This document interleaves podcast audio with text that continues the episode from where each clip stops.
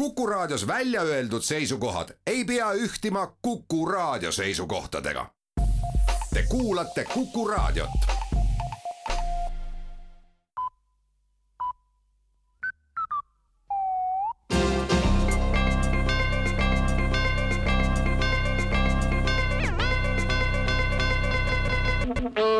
tere kuulama uudiseid stuudios Rohke Debelak. Eile tutvus valitsus Eesti ettevõtjate senise praktikaga, mis näeb ette üleinvesteerimist seadmetesse ja alainvesteerimist inimestesse. Miinimumpalga ees ootav tõenäoline tõstmine toob peatselt otseselt teema päevakorda.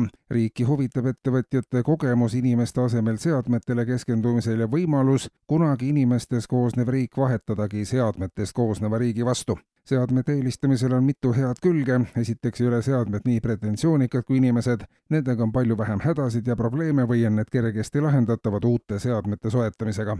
Seadmetest koosneva elanikkonnaga on kergem suhelda, nad on oma valimiseelistustes ettearvatavad ja ei ole tundlikud korruptsiooni, ükskõiksuse ja ebaõnnestunud poliitiliste otsuste suhtes tõenäoliselt ei huvitagi poliitikaseadmeid üldse. kogu võim läheb inimestelt seadmetele üle hetkel, kui alles jäänud inimesed suhtlevad seadmetega rohkem kui inimestega.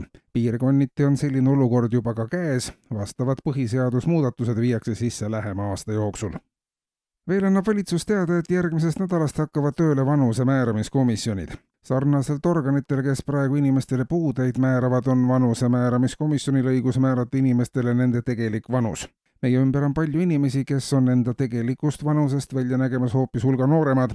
mõnikord on üheksakümneaastane inimene palju reipam, rõõmsameelsem ja tervem kui temast mitu põlvkonda noorem inimene. sellised inimesed selgitataksegi nüüd välja, liigreipad ja tegusad inimesed on kohustatud vanuse määramiskomisjoni ette tulema ja neile määratakse uus vanus. kui selgub, et vaatamata üheksakümnele eluaastale on inimene oma tehniliste ja mentaalsete näitajate poolest nagu neljakümneaastane või nooremgi, siis talle määratud uue vanusega koos võetakse talt pension ära.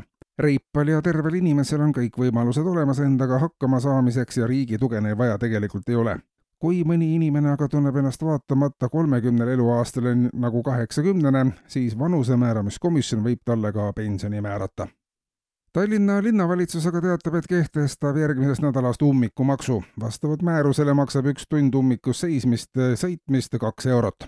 nimetatud summa kehtib sõiduautodele, bussid ja veoautod maksavad ummikumaksu viis eurot tunnis. ummikud pealinnas on järjest sagedasem ja tavalisem liikluspilt ja selline ressurss peaks linna ja tema kodanike huvisid teenima suurem osa linnatänavatest on jälgimiskaamerate poolt kaetud ja tööle võetakse ka kakssada maksuoperaatorit, kes videopildilt autonumbrid üles kirjutavad ja maksuteated koju saadavad.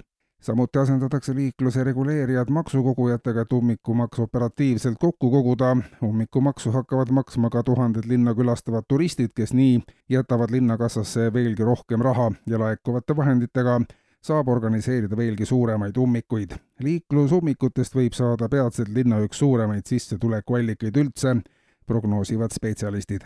ja lõpetuseks, homme katsetab valitsus uut kokkuhoiuprogrammi, mille käigus on kogu riigis ka päevasel ajal pime hommikused ja õhtused pimedad lisatunnid, mis järjest lisanduvad, on ennast õigustunud ja pimeda aja pikendamine veel kuue tunni võrra võib anda veelgi suurema kokkuhoiu tööpuuduse kasvades ei olegi inimestel mingisugust vajadust hommikul vara üles ärgata ning kui valgeks läheb päevasel ajal ainult nädalavahetusel, piisab sellest ajast, et oma asjatoimetused ära ajada ja siis jälle magama minna. kuulsite uudiseid